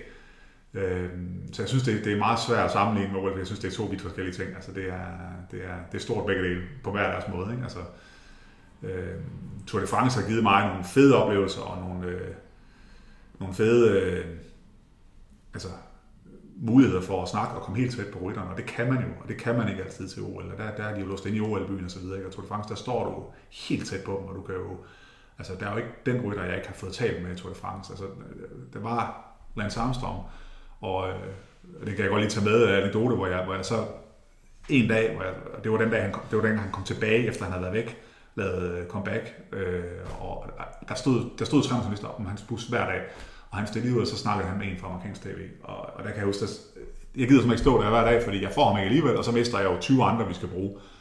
Så gik jeg rundt, og så fik jeg alle mulige andre store rytter, kan jeg huske den dag, øh, Minoko og Kløten og sådan nogle af dem, som man aldrig taler. Så sagde jeg til vores fotograf, min fotograf, der, det skal ikke undre mig, nu får vi også Lance på. Så kom han gående ud fra en lille bitte sidevej, helt ind. Og så skynder jeg mig, så skynder jeg mig over, så kan jeg få et par spørgsmål. Det kunne jeg godt. Og så giver han mig fuldstændig fuld opmærksomhed. Og, øh, og, og jeg, det er den eneste gang, jeg nogensinde har været sådan lidt starstruck, når jeg interviewet. Min hånd begyndte at ryste lidt, da jeg stod der. Jeg ved ikke hvorfor, men, men det er så lidt, okay, det, det, og jeg, altså, han havde sådan en aura, og jeg, og jeg kender godt hans historie selvfølgelig nu og alt det her, ikke? men der var stadig sådan en aura omkring ham. Og, og jeg, jeg får fire spørgsmål, og jeg, og jeg vender mig om bagefter. Og da jeg er færdig med fire spørgsmål, der står måske 200 journalister omkring mig. Alle sammen. Ikke? Og, og han, han giver mig 100% opmærksomhed på de fire spørgsmål. Ikke? Så det var jo sådan helt, wow, tænker jeg altså, det, var, det er jo sådan noget, man, man oplever, eller kan opleve, det tror jeg faktisk i hvert fald. Ikke? Altså, og, og, og, så tæt kommer du ikke på, øh, så tit i hvert fald udøvende til OL. Der er de meget mere øh, låst inde, ikke? Altså, du går ikke lige forbi en eller anden øh, stor navn på, øh, på gangen. Nej. Hvad, øh, hvilke elementer har de bedste ledere fra sportens verden, øh, som du har mødt, været gode til? Sådan, med, altså, du, du, du, du har brugt en del tid sammen med Bjørn Ries, for eksempel. Mm. Hvad er det, Bjørn Ries han kan? Fordi når man sidder og ser, når man sidder og ser Tour de France, mm. så, så, en gang imellem, så siger han jo noget, og selvom man ser meget Tour de France, jeg har gjort det i mange år, så siger han jo noget, hvor man tænker, okay, det har jeg alligevel ikke tænkt på. Mm. Altså, han er jo først og fremmest en... Øh, altså, han har jo en kæmpe erfaring, selvfølgelig, og han har set en masse cykelløb, og så har han, han lidt, altså, uden at skal sammenligne ham med Lance, men han har også det den aura, så man lytter bare på ham af en eller anden grund. Og så jeg kender også godt hans historie, og jeg ved også godt, men man lytter bare alligevel, der er et eller andet. Og så har han, det skal man ikke tage fejl af, han har jo en helt vanvittig passion for cykelsporten, stadigvæk. Øh, nogle gange skinner det igennem også på tv, det gør det ofte heldigvis, øh, så var han heller ikke god som tv-ekspert. Men han, han er jo en stille mand, og han siger jo ikke så meget, og er nogle gange lidt langsom i sin svar. Men passionen, den har han, og den bobler i ham. Altså, og det er, det er tit, når, altså, i forhold til de andre eksperter, vi har også, altså, han, han sidder derinde, og han byder ind hele tiden. Han kommer hen og siger, kan vi skal snakke om det der, kan vi ikke gå ind og snakke om det der, altså, hele tiden. Og det, det, er, det er jo en passion, det er jo en indre passion, han har. Fordi han er jo egentlig en generet mand, sådan for, forbinder jeg, eller opfatter jeg ham, sådan lidt en stille mand, og han har ikke brug for at komme i den der fokus øh, hele tiden. Øh, så, men alligevel vil han gerne det, fordi han vil gerne formidle cykelsporten. Han holder så meget af den. Det synes jeg er enormt stærkt som leder, at man har den der passion og så videre. Og det, det er, derfor er det fedt at arbejde sammen med ham, synes jeg. Jeg, jeg var meget spændt på det i, i år, fordi at det var først, jeg skulle være vært på Tour de France, hvor jeg skulle arbejde så meget sammen med ham. Ikke? Men, og jeg kender ham jo for masser af år nede i Frankrig og så videre. Ikke? Og der, der var det jo ikke altid, at han lige havde tid til at snakke med en, men, men det kan jeg jo godt forstå, hvorfor. Men, øh, men der var jeg også i en lidt anden rolle, jo, og han var. øhm, hvad, hvad, hvad laver I egentlig, når der så bliver klippet over til Dennis Ritter og Rolf og, og lidt. Og så går der tre timer, før man kommer tilbage til studiet igen. Går I så ud og får en frokost, eller... Ja, det gør vi først. Øh, og så, øh, så sætter Bjarne sig ofte ned til, og det gør han altid, sætter sig ned til netsporten og øh, svarer på, øh, på vores live-opdatering, svarer på spørgsmål der. Og så hele tiden kommer han over og siger, skal vi ikke gå ind? Og så en gang man går vi ind og spørger, eller tager, øh, over, eller tager studier, så lige kort, hvis der er et eller andet, eller sådan, hvor Bjarne han har en, en point, at hvis der har ikke gjort det særlig godt, eller et eller andet, eller han ser nogle ting, og så kan, det er jo også et, et indspark til Rolf og Ritter og Jørgen, så kan snakke videre om det. Øh, og så, øh, så sidder jeg sidder jo ofte, for det første følger jeg med i løbet, øh, og så sidder vi og kigger på den udsendelse, vi så skal have bagefter. Øh, så, så vi sidder egentlig ikke sammen som sådan øh, mm. bagefter, men vi kommer alligevel til at snakke sammen meget øh, undervejs. Øh, det er sådan, ja, det er den model, som, som vi gør det med, ikke? og der er sådan lidt forskel på, hvem man har som ekspert, men de fleste af vores eksperter vil jo rigtig gerne ind og opdatere på nettet og så videre også, ikke? og er også passionerede. Der er nogle af dem, der måske er sådan lidt mere, er det interessant, jeg synes det Altså, det skal vi lige vente dem lidt til at sige, ja, det er interessant. Eller så skal vi nok afgøre, om det er interessant i hvert fald. Ikke? Så, øh, du snakkede lidt om, øh, om det her møde med Lance Armstrong som, som, øh, som overraskende. Øh, er der andre sådan øjeblikke, du tænker, du har oplevet som kommentator, som, øh, som du kan dele med os? Som man kan lære af, eller som man bare kan grine af? Eller? Ja, hvad skal jeg nævne? Jeg har... Øh synes, jeg har mange, mange store, øh, store øh, hvad skal man sige, minder som, øh, som kommentator og mange store møder. Jeg ved ikke lige, hvad jeg skal, hvad jeg skal fremhæve her. Øh, nej, jeg, jeg, jeg tænker måske lidt, at øh, jeg tænker måske lidt, at, at, at der hvor jeg synes, at det er, det er meget vigtigt som, som mig som journalist, det, det kan bruge et eksempel på, at øh, i Gio, hvor jeg er nede at dække, hvor jeg står med en, øh, det var det år, det, hvor de startede i Danmark, øh, hvor jeg var nede, og så står jeg med en, øh, en af de unge danske rytter, der var dernede, som øh, efter en etape var hammerne sur. Han kaster cyklen og tager sin dunk og smider den, og så han på vej ind i bussen, og så råber jeg på ham, hvad, øh, har du lige tid til at, vi på live, har du lige tid til at sige noget? Øh, sådan, jeg skal lige puste ud i to minutter, så kommer jeg ud, siger han så. Fint. Det er jo fair nok. Øh, altså, jeg siger bare live, han har lige brug for, at han kommer ud, og vi sender stadigvæk en halv time. Kommer han ikke ud? Og så, er det, altså, så, så går der en halv time, og så kører bussen. Og så er det jo mig, der, det er jo mig, der går ud over, for det er mig, der kommer til at stå og se dum ud. Og så, der, der bliver jeg virkelig sur. Jeg skriver til ham, altså, hvad, havde vi ikke en aftale eller sådan noget, og det svarer han ikke på. Så tænker jeg, okay, der er ikke andet at gøre. Så, så ringer jeg til pressemanden, fra, øh, som ikke var med dernede, som var hjemme. Og øh, så siger jeg, at jeg havde den episode, og det er ikke godt nok. Det er helt okay, de ikke vil snakke. Det må de gerne. Men når man siger, man kommer ud, så kommer man ud. Og han kan fuldstændig ret, og øh, ringede til ham med det samme, og han kommer så og gav mig en undskyldning dagen efter, og så er den glemt. Men det er bare sådan en, en, en, en sjov episode, man siger, hvor det er egentlig mig, der bliver solgt, men, og, og det forstår udøveren ikke altid, men altså, og jeg har aldrig nogensinde noget problem med, at nogen siger nej. Jeg godt synes, at det er mærkeligt, de siger det, men jeg begynder aldrig at falde på knæ for dem og sige, kom nu, og sådan noget. Hvis de siger nej, så siger de nej. Øh, jeg, jeg, øh, men altså, det er jo også omvendt, og det, det er jo ikke altid udøveren, der forstår det. Altså, det er jo også mit job at, at spørge, øh, også når det, altså, jeg husker, da Fuglsang går ud sidste år i turen, hvor han ikke har sagt noget, han, altså, eller hvor han er styrtet, han har ikke sagt noget, han vil ikke sige noget. Vi tager på hans hotel, og tænker, så kan det være, at vi kan få ham, når han kommer i en taxa. Og han kommer ud, og han siger ingenting, og jeg stikker mikrofonen op til ham, og så siger jeg, øh, Jakob, jeg tænker på, at vi er rigtig mange, der gerne vil lige høre, hvordan du har det, mens han går. Og så vender han sig om, og så bræser han. Hvordan tror du selv, jeg har det, siger han så, ikke? Og, og han er jo frustreret, jeg kan jo godt forstå ham, og så går han videre. Men, men han forstår ikke, at, at det er jo ikke mig. Altså jeg, altså jeg ved jo godt, hvordan han har det, jeg kan godt fornemme det, men det er jo Danmark, der gerne vil høre det fra ham. Og det, det forstår han ikke endnu, og det kan jeg godt, jeg kan godt sætte mig ind i det, og det er heller ikke sikkert, at jeg selv havde gjort det, hvis det var mig, der var. Han var jo sur, det var hans største øjeblik, eller han skulle have realiseret der, og så bliver han, går han ud med en skade. Men, men der er der nogle gange, at, at altså, der er nogle, hvad skal man sige, øh, mix mellem journalisten og udøveren, som man måske ikke helt forstår også, når man hører det øh, på, på tv. Øh, og jeg synes jo egentlig bare, at jeg gør mit job. Jeg skal jo spørge Men det er vel også derfor, det er interessant at se på. Fordi ja. der kan ske sådan noget. Også ja, når man ser øh, svømning, at Victor ja. Brummer kan godt finde på at blive sur over et eller andet og udvandre fra et interview. Mm. Det, det gør det jo bare mere interessant. Eller Pernille Blume kan på at lave indslag efter 50 meter på 100 meter. Det, der, det, der, altså, ja. det er jo noget ja. det, der gør, at vi tænder. Ja. Det er jo også derfor, folk tænder for Formel 1. Det er jo ja, fordi, der kan ske noget uventet. Ikke?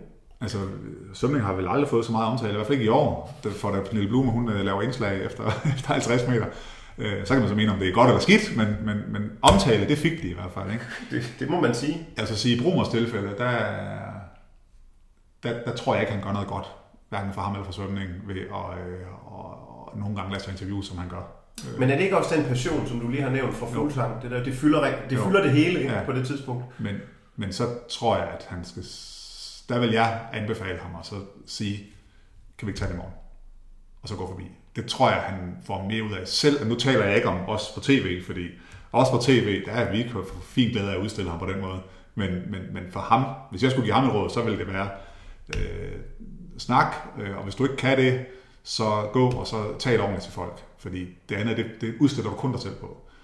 Øh, der har været nogle episoder, hvor jeg tænkte, at han er jo ikke langt fra den eneste, der gør det af idrætsudøver. Altså, René Holten kan jeg huske efter et OL også, hvor han kalder en eller anden nordmand for en gammel krav, ikke? og så videre, fordi han har tabt til ham. Og så, altså, men det er, jo i, det er jo i øjeblikket, ikke? Og, det er jo, øh, og det er jo fedt, og det er jo den der passion, ikke? men ja, der, der er nogle gange, at det er, nogle gange, der, har de, der tror jeg, at det er bedre for dem at bare gå.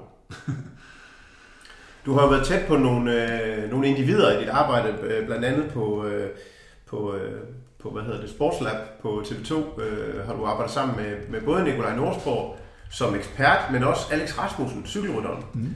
Øhm, han, han kalder sig mange for et af de største talenter nogensinde i dansk cykling. Øh, hvad har du bidt mærke i i forhold til, til at, at samarbejde med ham? Er der, nogle, er der nogle ting, vi kan lære af Alex Rasmussen? Ja, altså... Øh, det er sjovt det der med den der øh, præmis om, at han har været de største talenter i dansk cykling, for det er lige meget stort set, hvem man taler med dansk cykling, så siger de det. Øh, når man selv har prøvet at lave en snak med ham om det. Jeg kan huske nede i Vueltaen en gang, hvor jeg fik en, en lang snak med ham, øh, sådan en, en, en flot snak, øh, sit-down interview på en, øh, men han, køb, han købte ikke helt præmissen. Han siger, nej, jeg træner jo lige så meget, men, men det er jo ikke det, man hører. Man, man hører jo, at han, øh, så går han i kagebuffeten lidt mere end de andre, og så, øh, øh, men han har altid, og det tror jeg, man kan lære, han har altid været, altså han har altid været fyldt med selvtillid. Altså han har altid troet, at han var den bedste. Så det, det er i hvert fald det, det, øh, den udstråling, han har haft. Og han er også nået langt, øh, specielt på bane selvfølgelig, ikke? som verdensmester og olympiske medaljer osv. Øh, det, der irriterer folk, det er bare, at de tror, at han kunne nå endnu længere. Når jeg snakker om min egen karriere, hvor jeg siger, at jeg kunne godt vinde, jeg blev ikke international, men jeg kunne godt vinde, uden at træne særlig meget, og det irriterer nogle andre. Fordi der er nogen, der lægger meget mere i det, og ikke når det samme. Øh, han har noget, noget selvtillid, men altså om man så kan man sige, at jeg tror det er Michael Laudrup, der sagde engang, at øh, det er jo også i forhold til det her med, at, øh, altså det her med, at han har det der kæmpe store talent. At talent er jo mange ting, og øh, man skal jo både have talent for at kunne finde ud af at træne, og man skal have øh, talentet for at kunne den sport, man nu skal. Og, og hvis man ikke har begge dele, så når man ikke hele vejen alligevel. Altså, man skal, man skal have begge dele. Og, og øh, som siger, Alex han er jo eksempel på en, der altså, han er også trænet, fordi altså, han ikke noget der, men øh, kan godt være, at han kunne træne endnu mere, og så noget endnu længere. Øh, det, det har han altså ikke... Øh, ja, det kunne være sjovt at se, hvordan han kunne være noget, men omvendt, det kan man ikke bruge til noget, fordi det kunne han ikke, fordi så havde han jo gjort det. altså, ja. det var... Nå, men er talent, er, er talent i virkeligheden, handler det også om både at være vedholdende, men også om at tro på det. Det er vel også at være talent. Ja, det er også et talent. Altså, det er jo lidt, der er vel lidt så mange af sider af det, som man snakker om intelligens, med syv forskellige intelligenser og så videre. Ikke? Og det er jo sådan lidt det samme med talent, at der er, der er jo talent for mange ting. At der er også talent for at kunne øh, strukturere sin tid i forhold til at kunne, fordi det er jo vigtigt, altså øh, specielt hvis man ikke er professionel som, som svømmer, at, altså dem der ikke kan strukturere deres tid, de bliver ikke til noget, fordi så koger det hele i hovedet, og øh, med opgaver og afleveringer osv.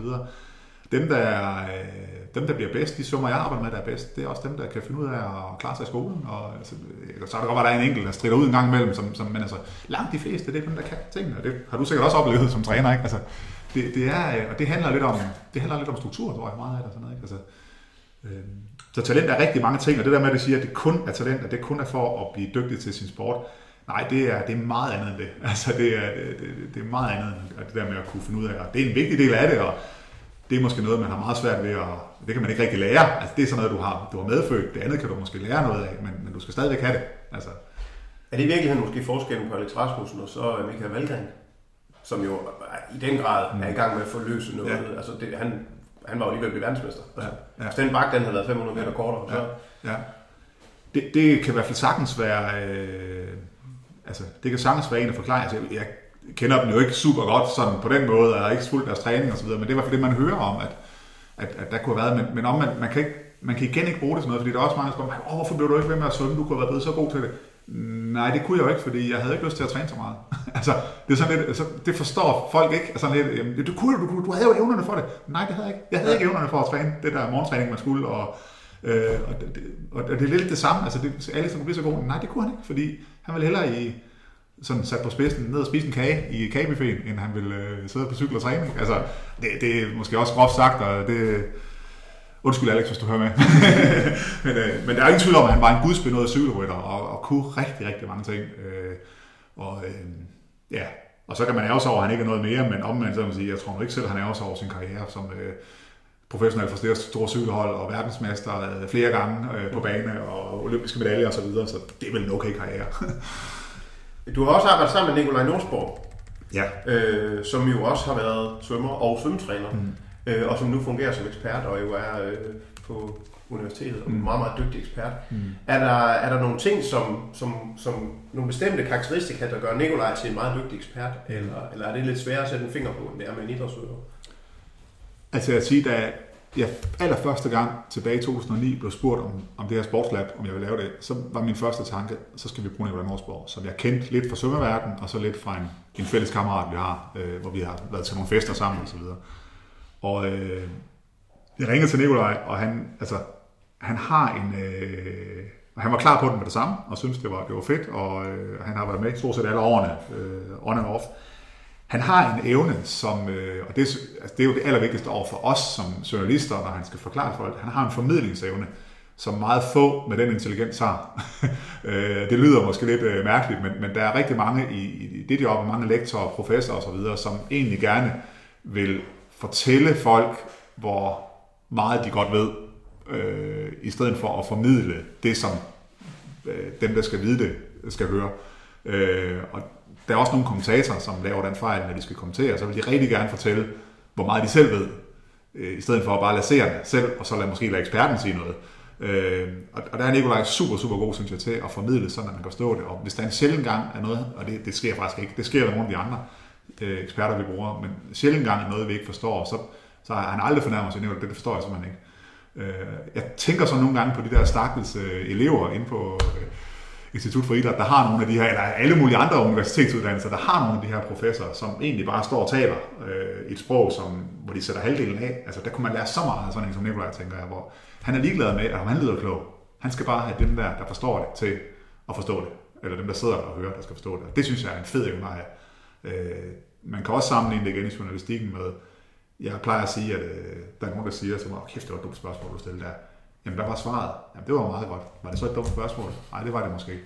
Det er lidt det samme, ikke? Altså, jeg, jeg er fuldstændig ligeglad med at blive udstillet på mine dumme spørgsmål, fordi hvis jeg får nogle gode svar, så kan de, ja, så kan spørgsmålene være så dumme. Så, altså, jeg, øh, jeg tror nogle gange, at vi, øh, og det, det hænger om helt sammen, fordi det, det, det, jeg tror nogle gange, vi som, som, som kommentatorer og som formidlere nogle gange glemmer lidt, at vi også skal, vi skal have alle med, uden at vi selvfølgelig skal gøre folk øh, dumme. Øh, der var en på et tidspunkt, som min kollega, som kommenterede svømning, som aldrig havde været svømning før. Og så spørger han undervejs, øh, det var sammen med Mette Jacobsen, det var VM for nogle år siden, så spørger han undervejs i kommenteringen, kunne hjælpe med Mette Jacobsen, om, øh, er det ikke er hurtigt, om det ikke er hurtigere at svømme på langbane end kortbane, når man ikke skal til de der vendinger.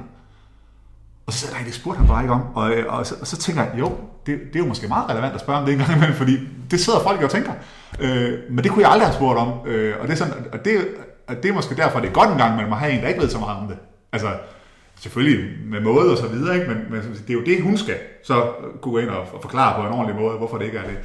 Øh, og øh, det, det tror jeg, vi, altså, når I sidder på Eurosport, så ved I rigtig meget om svømning, og det, dem, der ser det, er også nogen, der ved noget om svømning, så det gør måske ikke så meget, men ved os, der handler det jo også meget om at formidle til dem, som ikke er vant til at se svømning, som bare bliver bidt af det, fordi at de gerne lige vil se øh, Jeanette Ottesen eller Pernille Blume svømme et eller andet. Øh, og der, der, der, tror jeg, altså der har vi virkelig en formidlingsopgave, som er, som er meget, meget vigtig. Og det er meget vigtigt med sproget og hvordan vi, vi gør det. Og det får man tilbage til Morsborg, Det er jo det, som jeg synes, han kan bedre end, øh, end nogen andre i, i hans verden. Øhm, er der nogle udøvere, du har lært meget af gennem dit øh, arbejdsliv på TV2, eller, eller, eller er det ikke? Du, nu har du været lidt inde på sådan nogle karakteristika mm. ved det, men er der nogle bestemte udøvere, hvor du tænker, okay, det, det var alligevel... Uh... Jeg synes i hvert fald, at jeg har lært, at, at der, er- altså, det her med, at der er mange veje til Rom, ikke? Altså, der er mange forskellige måder at gøre det på, og det handler meget om forskellige personer, hvor, hvor, jeg, hvor jeg i starten som træner specielt tænkte, det er den vej, man skal gøre det på. Øh, jeg kan huske, da jeg også sammen med dig øh, arbejdede lidt med, med Jeanette Ottesen, hvor hun jo øh, var en speciel pige på mange måder, øh, og var, altså, havde også meget dedikeret, og jeg kan huske, vi havde en, øh, hvor du også med, jeg arrangerede en friluftstur, øh, hvor hun lige var startet på holdet, tror jeg. Øh, og hun fyldte jo allerede mere end resten af holdet sig sammen. Øh, og øh, var bestemt ikke tilfreds, når øh, vi tog mobiltelefon og hvad vi bad dem om at gøre osv. Og, og jeg tænkte sådan, hold da kæft, man, hvis man skulle arbejde med hende hele tiden, det ville, det ville blive hårdt. Øh, det, det tog du dig så af, så det var fint nok. Men, men der tænkte jeg sådan på, at, at sådan en type vil jeg have svært ved at håndtere, fordi at hun vil fylde meget mere, og jeg vil meget hellere sætte holdet i fokus. Og igen, det er nok også en grund til, at hun er blevet så god, fordi hun går den vej her, hun er fuldstændig ensrettet, og det er måske også en grund til, at jeg ikke er træner for sådan en som hende, fordi at, øh, jeg vil langt hellere have nummer 15 og 16 med beholdet også, hvor man kan sige, det skal man måske være lidt ligeglad med, fordi man kan få et fuldstændig unikt svømmetalent som hende, og kan få hende hele vejen. Og for nogle trænere, der er det mere vigtigt, at hun får olympisk medaljer, end det er, at nummer 15 kvalificerer sig til, til DM. Den tanke havde jeg bare ikke. Øh, og på den måde, der lærte jeg meget af hende. Altså, fordi jeg så meget sådan, hvordan hun gjorde det, og hvordan hun... Øh, jeg siger ikke, at jeg vil bruge det, men, men jeg kan bare se, at der er mange veje. Øh, når Pernille Blume, hun er, som hun er, hende kender jeg ikke særlig godt, men hun gør, som hun gør, øh, og laver sådan nogle ting, og hun siger, hun skal have sig selv med. Det, det kan jeg jo også godt se, altså det kan jeg godt forstå, hun gør det. Så diskuterer om, om det er den rigtige måde at gøre det på osv., men jeg kan godt forstå det, og jeg synes jo egentlig, det er fedt, at man kan gøre det på den måde, og man kan, øh, man kan være så fokuseret på at få sig selv med. Altså, det synes jeg jo egentlig er, fedt at gøre, altså at, at man ikke hele tiden bare gør alt, hvad man skal hele tiden, ikke? Og sådan lidt, altså, der er det kan på. Det er sjovt, fordi det siger jo også meget om, om forskel i fokus fra træner til træner, fordi det, vi har jo ikke snakket om den der overlevelsesvildmarkstur Nej. i mange, mange år. Det er 12 år siden nu, det var Ja. i 2006. Ja. Øh, og det jeg husker bedst fra den tur, det var, at, at det også var Jeanette, der fik brugt flest grænser. Ja, ja. Altså, der ja, ja. ja, ja, det var de der ting, absolut, udsat absolut. for. Ja, ja, ja. Hvor jeg tænkte, at det skulle nok i virkeligheden det, der gør, at hun kommer først ind. Ja. Det er, hun er ikke bange for at gå ind i udfordringen, så siger hun, så må vi se, hvad der sker. Ja. Der er det kravlet rundt i de der huler der. Ja, ja. Øh, og så Ronny Dalsgaard på to meter og tre, to steder, hvor der i virkeligheden ikke kunne være mennesker af den størrelse. Altså, så, ja. Øh, Hvis vi skal prøve at perspektivere det lidt, nu siger du øhm, de her enere, der er forskellige veje til Rom, kan vi perspektivere det over til noget, som man som erhvervsleder vil kunne tage med sig fra eliteidrættens verden? Øhm, hvis du, skal, hvis du skal skyde for hoften, det er vel, du har jo prøvet at være leder for idrætsudøvere. Mm. Du har ikke været leder på den måde i- på TV2, men, men er der nogle ting, når du også hører historier fra erhvervslivet eller fra virksomheder, hvor du tænker, det kunne de godt, øh, der kunne de godt tænke lidt mere som en træner? Altså, jeg kan i hvert fald sige i sammenligning med, med når jeg øh, er på TV2, og så der kan jeg jo bare se, at, at altså, vi har en, en, en dygtig chef, og jeg har en dygtig chef, som er god til at, at netop at behandle folk efter, altså, efter deres egen evner, og hvad de kan, og hele tiden se det, at de kan, og det er den vej. Og jeg, jeg har nogle ting, som jeg arbejdsmæssigt ikke er særlig god til, og det prøver jeg egentlig at lægge lidt til side, og så arbejder jeg med det, jeg er god til, øh, fordi det ved jeg, det er den vej, jeg vil gå i journalistikken osv. Det har jeg fået lov til. Øh, og der tror jeg måske, det er i hvert fald mine tanker, og det hører jeg også ved, ved venner og bekendte og sådan noget. I hvert fald der er det sådan mere, at man gør det, og så er det på en pind, og så kører man der. Altså der, der tror jeg, det er jo også fordi, man, det er jo en virksomhed, og man er afhængig af at tjene penge og alt det her og så videre, men, men der tror jeg nogle gange, man kommer måske bedre ved at, og, øh, udfordre folk lidt på, øh, jeg ved godt, man skal også lære noget af det, man ikke er så god til, men, men udfordre så gør folk til gode til noget, hvis de, hvis de har en evne, hvis de viser en eller anden talent for det, så prøv at udnytte det, og så kan man drive det til endnu mere, tror jeg, i erhvervslivet også. Øh, når, øh, altså det er jo både det med, at man, man, man, man kan føle, at man kan blive, hold op, jeg bliver værdsat for det her, altså det, det vidste jeg ikke, det var så meget værd for virksomheden, men hvis du er den bedste til det på virksomheden, så kan det bare være super godt, i stedet for at alle skal hele tiden øh, lave alle mulige forskellige ting. Det er, sådan, det er lidt, jeg ved godt, det er lidt flyvsk, når vi sidder og snakker på den måde, men, men, øh, men, men, men altså, jeg har i hvert fald været taknemmelig for, at, at det kan se, at der hvor jeg har tændt, hvor, hvor min chef har kunne se, at der, der bliver en gnist tændt ved mig, det har jeg fået lov til at arbejde med 100%.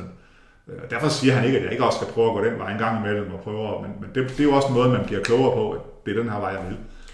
Øh, Men det, det jeg hørte dig sige, det er, at, at der måske ofte bliver fokuseret på hullerne i osten, i stedet for osten. Ja. Og man i virkeligheden, Ja, det kan man godt kan huske, Dag Stormark, som jo trænede Benny Nielsen til Ja. OL i 88, hvor han fik sølv. Han han fortalte, der brugte de rigtig meget tid på at arbejde med den sidste 50 meter, og der blev han ofte spurgt, jamen, det er Benny jo god til i forvejen, hvorfor arbejder jeg ikke med hans svage sider? Mm. Og der udtalte Dag Stormark, jamen hvis man kan gå fra at være top 10 i verden på de sidste 50 til at være den bedste, mm. er det så måske i øvrigt ikke mere værd, mm. end at arbejde det, med et eller andet, hvor man det, ikke er så god? Ja, det, det, er faktisk det. Det er en god pointe. Ja. Det, det, det er i virkeligheden det, du siger, ja, ikke? Ja, det er det. Øh. Øhm, jeg har sådan fire hurtige spørgsmål til sidst. Vi er ved at nærme os, nærme os en, en rund time, så det, det vil passe godt nu. Øhm, og, og du må egentlig bruge så lang tid, du kan på at svare, men, men det kunne være godt, hvis du ikke brugte alt for lang tid på at tænke. Ja. ja. Øhm, hvis du kun måtte give et råd til en ung idrætsudøver, hvad skulle det så være? Så tror jeg, at... Øh... Så tror jeg, det er meget vigtigt, at man er... Øh... Altså, det er selvfølgelig også en kliché, men det her med, at man er tro mod sig selv, at man, øh... man, øh man finder viljen selv, og man gør det, som man selv vil. Altså sådan, at det, der er jo alt for mange idrætsudøvere. Nu ser jeg det også i min datters håndboldklub, så står der nogle forældre og råber og siger, at de skal gøre sådan og sådan. Og, altså, altså, hvis det ikke kommer fra, fra ens eget hjerte, så, så bliver det ikke sådan noget alligevel. Så man skal selv finde sin lyst. Og så kan det godt være, at man har nogle gange, hvor det ikke går så godt osv., man skal lige have lidt hjælp, men, men i bund og grund skal det komme fra en selv, ens passion. Øh, og så man siger, jamen hvad nu hvis jeg ikke har den, jamen så skal du måske finde en anden idræt. altså, altså det, er jo, det er jo sådan, det er. Altså, hvis, hvis du ikke har den, så, så bliver du ikke til noget idrætsverden alligevel. Altså, og det, det tror jeg egentlig er, det er jo, det er jo et svært råd, fordi man kan jo ikke, hvis man ikke har det, så har man det ikke. altså, så jeg ved ikke helt, hvad jeg, hvad jeg skal sådan sige mere, men, men, men det tror jeg er det, der irriterer mig mest. Der, når, det er også fordi, jeg ser nogle gange i det der så er der nogen, der flytter klubber. Øh, og jeg tror, at nogle gange der er det i hvert fald forældrene, der flytter klubber mere, end det spillerne. Ikke? Altså lidt, øh, fordi de tænker, ah, de skal derover, de skal derover. Ikke? Altså, sådan, sådan, sådan nogle spillere, de bliver ikke til noget alligevel. Det ser man også i svømningsverdenen, så er der nogen, der flytter klubber og så videre efter. Specielt herovre på Sjælland, hvor det er nemt. Altså, det er jo lige meget for mig i Glostrup, om jeg skal køre min pige til ja, øh, Vat, eller til øh, København, eller hvad det nu er. Ikke? Altså, hvis det er det. Men altså, der tror jeg bare, at få, få, få, få de unge med, og få dem til at selv sætte ord på det, og selv være bevidste om, hvad det er, de gerne vil. I stedet for, at det hele bare bliver sådan en eller anden øh, fabrik, hvor de bare kører. Og det gælder både for trænere og for, og for forældre? kan man sige. Ja, ja. Så, så hvis vi lige skal smide et lille sidespørgsmål ind, så bliver det godt nok fem hurtigt. Mm. Hvis du så kun må give et råd til forældre til nogle idrætsøvere, hvad skulle det så være, kogt ned? Øh, jeg tror, man skal... Ja, vi prøver i hvert fald meget at bakke rigtig meget op. Øh, men vi vil gerne have, at vores børn dyrker noget idræt, og vi vil også gerne have, at de dyrker eliteidræt, hvis de når det niveau på et tidspunkt. Nu min ældste, hun er 12, så der er stadig nogle år endnu, før hun finder ud af, om hun skal det. Men, men, men vi har... Og så, så, så det, det er jo der med opbakning, og det, er sådan, og, det, og det er altid en svær størrelse, fordi jeg står aldrig og råber på sidelinjen af en håndboldkamp, og jeg går heller aldrig hen og, og siger til træneren, jeg synes, du skal gøre sådan og sådan, eller hvorfor spiller min datter ikke det og det. Jeg kan godt spørge, hvordan ser du hende egentlig i forhold til, første og andet holdet, eller til bakker til fløj. Hun spiller håndbold nu, ikke? Og sådan, øh, men, men jeg kommer aldrig til at brokke mig. Det er egentlig bare sådan, jeg har en viden over for hende, når hun så spørger. Jeg har nogle, jeg har, vi har nogle krav om, at når hun spiller det, så træner hun. Det når hun skal træne. Og det har jeg også selv. For eksempel. Det er okay, du siger, at du ikke vil spille håndbold mere, men når der er træning, så er du til træning, og jeg gider ikke, at du står og pylder over. Altså, du kommer over og træner, eller så bliver du hjemme, og så skal du spille noget håndbold. Og det ved hun, og det hun opfordrer med altid, så der er aldrig noget problem, og hun er altid glad, når hun tager afsted. Og der har vi nogle, øh, nogle andre venner, som har en helt, det, det er ikke forkert, det siger jeg ikke, men de har nogle andre, en anden tilgang til det. De har også en pige, der spiller håndbold, og en af øh, vores biges gode venner, og de siger sådan, de godt for på at ringe sådan, øh, hun kan ikke lige komme til træning i dag, for hun er lidt træt efter skole. Og det, det var aldrig sket med, med, med, med Petrea, vores pige. Øh, hun øh, kommer altid, og det, det vil hun også gerne. Ikke? Og, sådan lidt, og, det, og det tror jeg, det er jo vores måde at bakke op på at sige og, og lære hende det. Og det er også sådan noget, det er også kulturelt på en eller anden måde. Eller sådan. Det, det, det vil vi gerne have. Øh, og så må hun altid stoppe, hvis hun har lyst til det, men, men når hun er der, så er hun der. Øh, og så vil vi også gerne have, at hun er i skolen. Og, sådan, altså, og, og i, i det hele taget i livet, altså når hun er i noget, altså, så skal hun være der. Øh, også senere i erhvervslivet. Ikke? Altså, lidt, øh, det, det, tror jeg er meget vigtigt. Altså, der er jo alt for mange også i erhvervslivet, som ikke er der. Altså, som bare sidder der og sådan er, ja, toger, der bare sidder. Ikke? Altså, lidt, øh, det, det, tror jeg, man kan lære meget fra start af ikke? allerede. Så, så noget med at sætte nogle rammer, og så ellers blandt udenom? Ja, lidt groft sagt. ja, ja. Det er sådan, det er, tror jeg. Hvis, øh, hvis du kun måtte give et råd til enhver idrætsøver, der skal interviews på tv for første gang, Hvad skulle det så være? Fordi nogle gange så siger de godt nok øh, noget øh, febrilsk ud, når de får stukket den der mikrofon op i hovedet. Altså, jeg plejer jo altid at sige til dem, når jeg lige, øh, hvis jeg lige møder dem kort inden, altså, så, så det der med, altså, du skal jo bare tænke på, at vi står og snakker, og glem kameraet, fordi det er jo tit det kamera, der gør det. Øh, øh, og så, øh, altså, altså det, det, det er jo sådan lidt svært, fordi det bedste for os på tv, det er jo, at de bare umiddelbare, og de bare siger, hvad de tænker. Det er jo der, vi får det bedste ud af det. Og, og i virkeligheden, så man siger, at ah, det er jo så udstiller jeg mig selv. Men i virkeligheden, så er det jo også der, hvor man får allermest øh, respekt for udøverne, når de gør det. Øh, når øh, Rikke Møller har givet nogle af de mest fantastiske interviews, når hun er i sin følelsesvold. Øh, og det kan godt være, at hun lige nu tænker, ej, det sagde jeg ikke. Det ved jeg ikke, om hun har tænkt sådan. Men, men bagefter, så får hun så meget anerkendelse, så meget respekt for det. Øh, der er nogle af de, og jeg synes generelt, at de sømmerne er gode til det, øh, interview, mange af dem øh, har lært det i mange år, men der er også nogle af dem, hvor det nogle gange bliver lidt for påtaget. Altså, nu skal de også være sjove, nu skal de komme med et eller andet, og nu er vi bare så gode, og nu bliver det for meget fnis og sådan noget. Øh, bare være lidt mere sig selv, og så være lidt mere i, altså, sige hvad de tænker, og der, der, de bliver ikke, og så begynder de at stå og tude en gang imellem, jamen, så er det jo bare, altså, jeg kunne blive rasende på, øh, på Mie under OL, da hun står og kommer op efter, hvad bliver hun, 4 eller 5? 5? 4, 4, ikke? Nå. Ja. I hvert fald ja. meget, meget for 100 til bronze. Det, og så, så, det første, hun siger, det var meget godt, det var en verdensklasse, må jeg sømmer mod, og sådan noget, og jeg er godt tilfreds med en femteplads. Og så bliver jeg ved med, at hun går op og raser, det ved jeg ikke, om hun gjorde, men hun skal jo ikke være tilfreds med en femteplads. Hun går efter den medalje. Det må hun da gerne sige til os. Det er sådan en facade, hun sætter op, og det, det kan jeg godt forstå, og det er jo meget normalt. Men, men det, hun ville have vundet langt mere ved danskerne, hvis hun havde været rasende. Og det kan man godt være på mange måder. Man, kan, altså, man behøver ikke at stå og svine de andre til. Man kan godt bare sige, at det, det er virkelig skuffet over. Det har været, jeg har drømt om det her, få den medalje, og nu må jeg dele til revanche i holdkraften og gøre det. Altså, det har hun vundet meget mere over. Fordi det andet, det, der bliver sådan, hvorfor, hvorfor står hun og siger, hun er tilfreds med en fjerdeplads? Det var ikke det, hun har drømt om inden. Altså, Selvom hun ikke har sat ord på det inden. Jeg ved godt, hun ikke sagt. Altså. Tror du, det er, fordi hun er, hun er bange for at blive sårbar og måske blive ja, ked af det? Ja, det Eller tror jeg. noget indlært? Jeg, jeg, tror, det er en kombination måske. Altså, hun er selvfølgelig selv bange for at blive sårbar, og det har hun fået at vide, at øh, hun bare skal sige det, og det er det, hun har... Øh, ja, øh, jeg, jeg aner det ikke, for jeg har ikke talt med hende om det, men, men jeg har sagt til hende engang, kan jeg huske, at jeg synes, hun bare skal være... Hun skal sige, hvad hun... Altså, i stedet for det, hun har fået at vide, hun skal sige. Ikke? Altså, øh, men, men generelt set, altså, du, kom, du kommer langt mere med at også bruge dine følelser i det. Altså, du får langt mere sympati med det. Øh, for, for folket også og sådan noget. Ikke? Altså, folk kan ikke lide, hvis du laver den der facade. Det gennemskuer man med det samme, altså, når man ser det. Øh, og jeg, nu vil jeg ikke sidde og handle dem ud, fordi jeg synes faktisk generelt, som jeg siger, at de er gode til det, de der svømmepiger. Ikke? Og de har, de har givet os meget igennem årene. og Jeg kan huske, at der var øh, VM i Herning, hvor øh, chefen fra sporten øh, skriver, okay, hvorfor sender du ikke mere af de der svømmepiger? De er jo vildt gode i, øh, fordi det var det første dag, det gik op for dem, ikke? eller der var EM i Herning, ikke? Altså, det, det gik op for dem, hvor gode de egentlig var på tv, ikke? Altså, øh, og det er de jo, altså, så de, de har jo givet os meget og sådan noget, så, så på den måde er det jo, de er jo ikke dårlige til det. Man kan også godt se, om de trives med det. Ikke? Altså, Jeanette trives jo med det.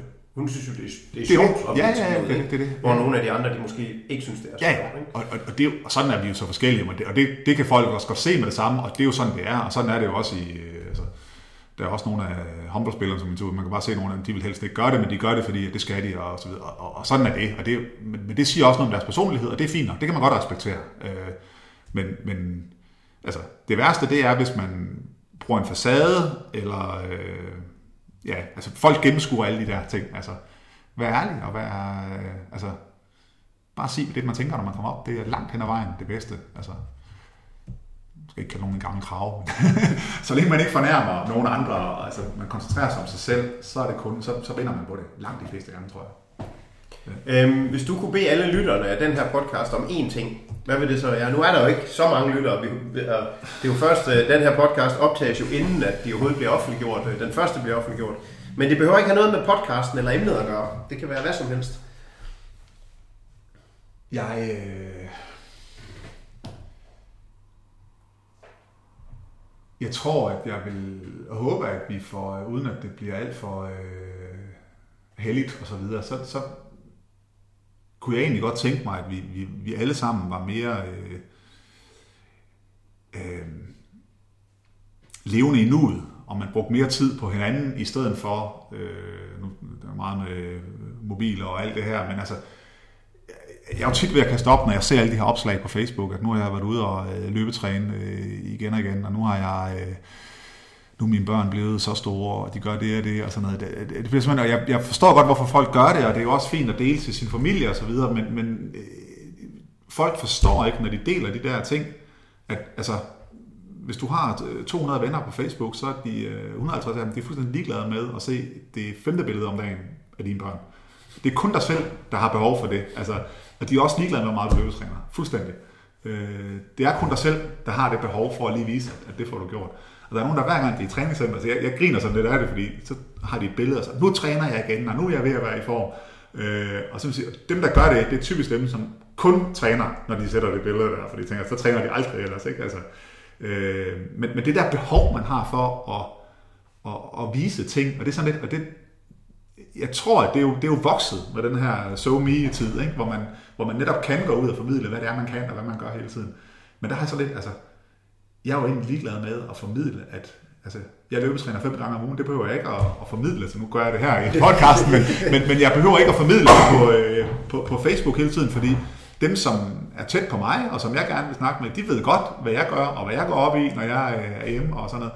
Og det er en af dem, jeg i bund og grund gerne vil, vil vise det for. Øh, og det er sådan, der tror jeg bare, vi er for meget for, øh, ja, vi har for meget behov for at, øh, at vise, hvad det er, vi kan, og hvad det er, vi ikke kan hele tiden. Ikke? Og det, det, bliver sådan lidt, øh, det bliver bare lidt provokeret af nogle gange. Ikke? Altså, så kan jeg slukke for det, det ved jeg godt, men det er også en del af mit arbejde at bruge det. Og, sådan noget. og nogle gange der får jeg også nogle sjove info, som jeg kan bruge i min journalistik, ved at, ved at der er nogen, der slår noget op. Ikke? Så, så, så på den måde er det fint. Øh, men øh, ja, hvad er det heller ikke?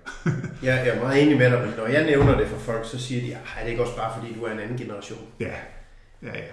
Men det er det jo selvfølgelig også hen ad vejen, og det, ved, det er jeg jo godt klar over, det er jo, sådan er det, men, men øh, jeg, jeg synes jo stadigvæk, uanset generation, eller, altså jeg taler jo ikke om, at, fordi jeg kan også godt sidde med mobiltelefon øh, tit og kigge og så videre, det handler ikke så meget om det, det handler om det der med, at man har behov for at vise, hvad man gør hele tiden, ikke? og det er sådan, at det, det, det behov, det, det forstår jeg ikke, at folk de har. Altså, hvad er, det, hvad er det, de vil med det? Altså, jeg kan godt forstå, at man gerne vil vise, øh, jeg vil også gerne vise billeder af mine børn til min familie, øh, og så videre. De vil også gerne se dem, tror jeg i hvert fald øh, og måske nære venner, men at resten er fuldstændig ligeglade. Ikke? Altså, de er også ligeglade med, hvor meget jeg løber, eller hvor meget jeg er i fitnesscenter, eller hvad jeg er. Altså, øh, og det, det tror jeg ikke er så meget med generationer at gøre. Altså, det, ja, det, det er jo nok den nye generation, der måske har en anden fokus på det, men der er jo også mange jævnaldrende med mig, der laver alle de her billeder, ikke? eller ældre.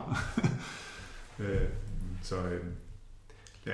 Lad det, være, øh, lad det være de afsluttende ord. Michael Stærke, tak fordi øh, du vil bruge en, øh, en god time sammen med mig. Velkommen. Vi, øh, vi, vi snakker helt sikkert med. Det gør vi.